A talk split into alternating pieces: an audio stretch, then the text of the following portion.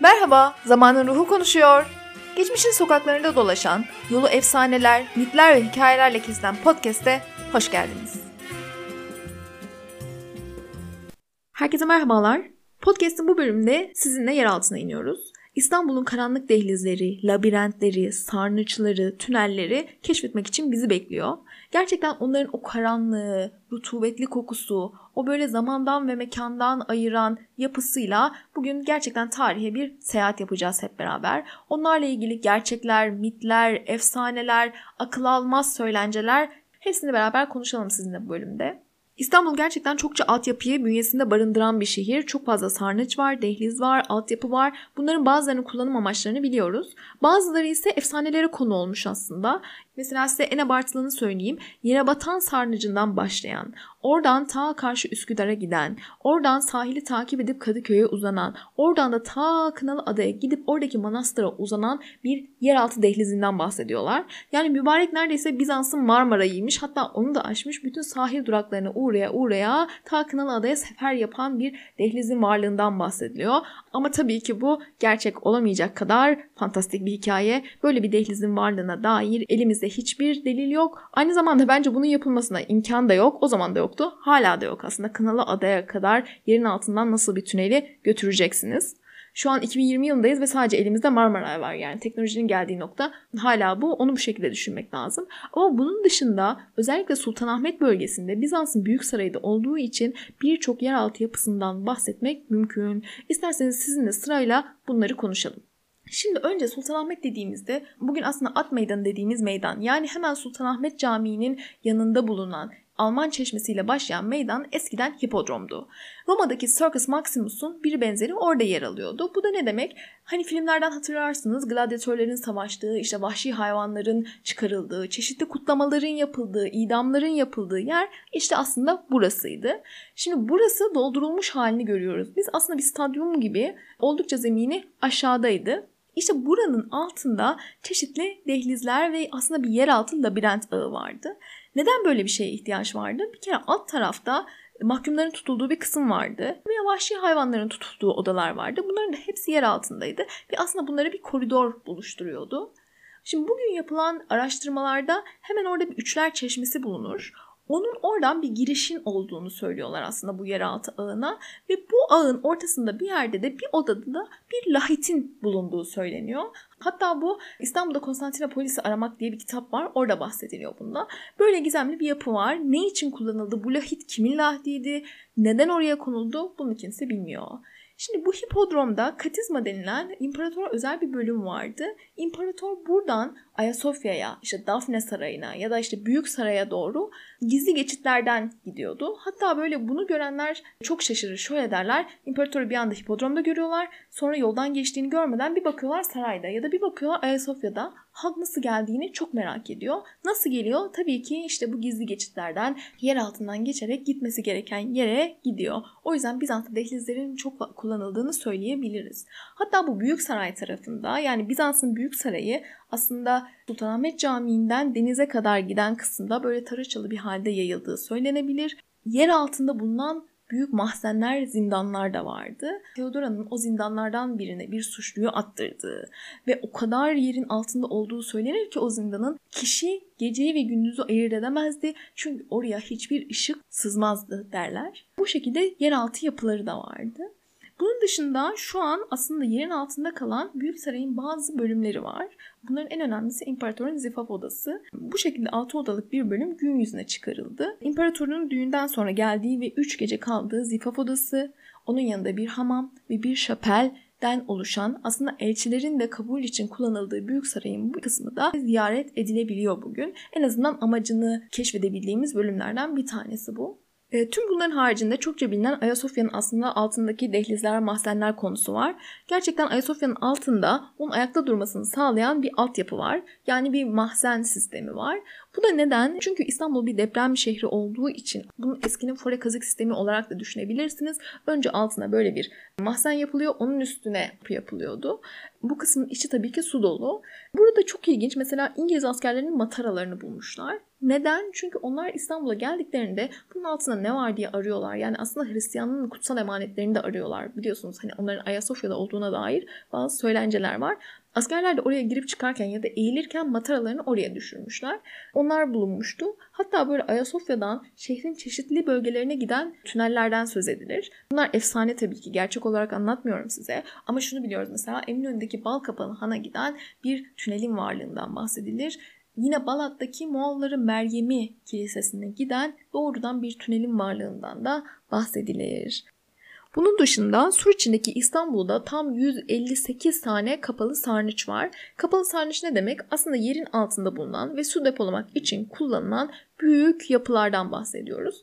Bunlar hani özellikle Saraçhane'den geçerken gördüğümüz Bozdoğan kemeriyle su taşınan sarnıçlardır bir kısmı. O şekilde düşünebilirsiniz. Bunların üstünde büyük bir su terazisi vardır.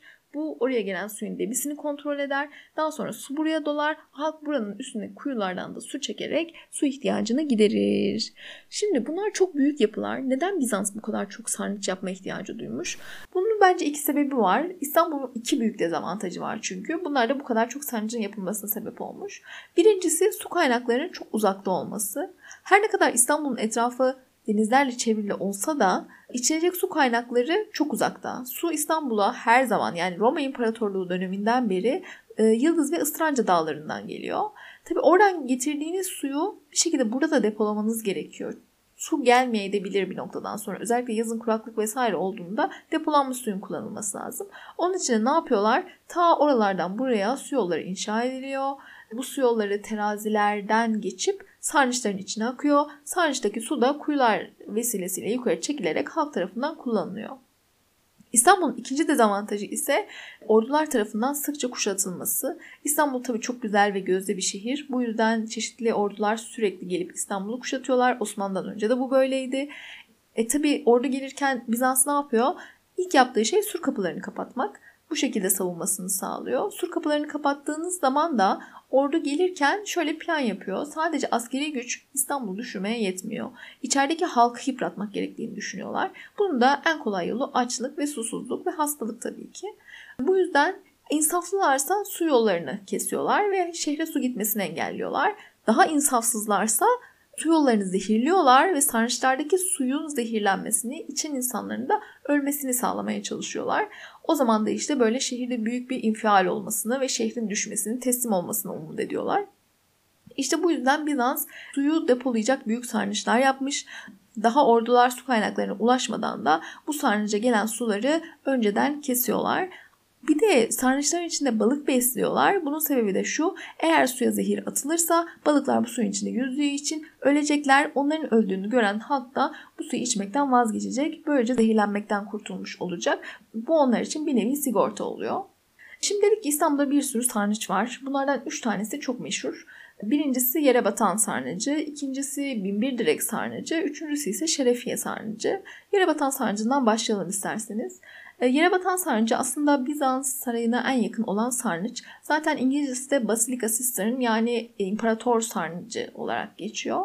Yere batan sarnıcı oldukça büyük bir sarnıç. İçinde 336 adet sütun bulunuyor. Bu sütunlar çok çeşitli. Hepsinin böyle başlıkları, yapıları çok değişik.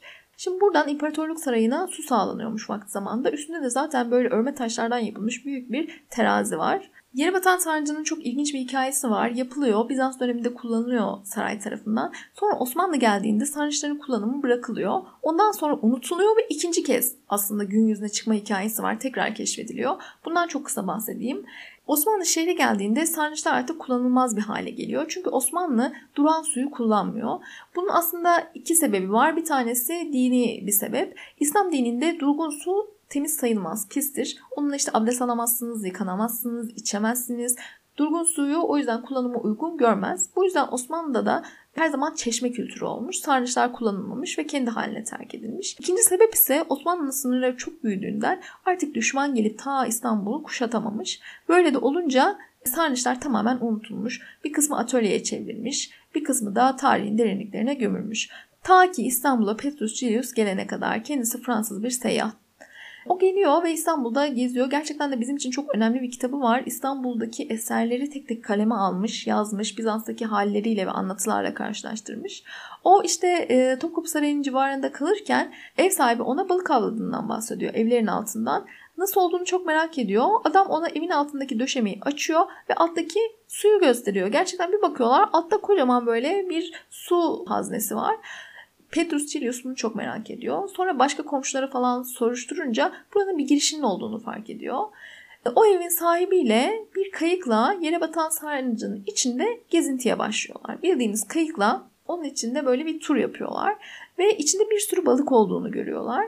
Ev sahibi bazen oltayla bazen de böyle e, mızrak saplayarak balıkları avlıyor. Hatta Petrus Julius şöyle söylüyor. Tanrıca bazı yerlerden ışık sızıyordu ve ışık sızan yerlere balıklar toplandığı zaman onları avlıyorlardı diye. Bu şekilde buranın aslında bir sarnıç olduğunu halka aktarıyor. Osmanlı döneminde sarnıçlar daha çok e, saklanma amaçlı ya da böyle insanların silah talim ettiği yerler olarak kullanılmış. Hatta bu meşhur Yeniçeri e, ocağının kaldırılma vakasında biliyorsunuz Yeniçerilerin çoğu katledildi. Onlar kaçıyorlar bir kısmı böyle sarnıçlara saklanmış. Osmanlılar da tabii sarnıçlar çok serin olduğu için böyle yemeklerini o kuyulardan sarnıçlara sarkıtıyorlar. Orası böyle doğal bir buzdolabı gibi yiyeceklerin uzun süre kalmasını sağlıyor. Şimdi Yeniçeriler de bu sarnıçlara saklanıyor ya o sarkıtılan yiyecekleri yiyorlarmış. Tabii yukarı çekiyorlar sepet boş ya da böyle azalmış Allah Allah ne iş falan derken oralarda birilerinin saklandığını falan bulup Yeniçerileri ortaya çıkarmışlar. Böyle de ilginç hikayeleri vardır. Yere batan sarnıcının birkaç önemli özelliği daha var. Bunlardan bir tanesi ağlayan sütun. Dedik ya şimdi yere batan sarnıcında 336 tane sütun var ama genelde bu sütunların hepsi birbirinden farklı. Bu da ne demek? Aslında bize şunu söylüyor. Bu sütunlar farklı yerlerden gelmiş. Çoğusu e, Anadolu'daki antik kentlerden geliyor. Artık işte e, Roma İmparatorluğu paganlığı bırakıp Hristiyanlığa geçtiği için bu tapınaklar da gözden düşmüş oluyor. E, o yüzden onların malzemelerini getirip özellikle çok hızlı yapılması gereken bir yapı varsa burada kullanıyorlar bu sarnıcı da çok hızlı yapıp hemen bitirmek için Anadolu'dan gelen çeşitli sütun başlıklarını kullanmışlar. Mesela bunlardan bir tanesi çok ilginçtir. Ağlayan sütun diye geçer. Gerçekten de böyle üstünde gözyaşı damlaları gibi şekiller vardır. Hatta bununla ilgili çeşitli efsaneler de var. İşte orada çalışan işçilerin gözyaşları olduğu için oraya kazınmış vesaire. Tam olarak bu doğru değil. Çünkü bu şekli aslında biz tanıyoruz. Bu mitolojideki Herkül diye bilinen aslında yarı tanrının elinde böyle budaklı bir sopa vardır. İşte bu sopanın bütün haline getirilmiş halidir bu. Üstündeki o böyle gözyaşı damlaları da aslında odunun budaklarıdır. İkinci önemli nokta ise yere batan sarnıcındaki medusa başları. Biliyorsunuz en dipte iki tane medusa vardır. Biri ters çevrilmiş, biri yan yatırılmış vaziyette. Onlar niye orada diye düşünürken işte arkeologlar buna çeşitli açıklamalar getiriyorlar tabii. Bir tane açıklama şöyle. Şimdi düşünün pagansınız ve işte her taraf Medusa dolu. Çünkü Medusalar şehirlerinde koruyucusu aynı zamanda. Kendisine bakan erkekleri de taşa çeviriyor.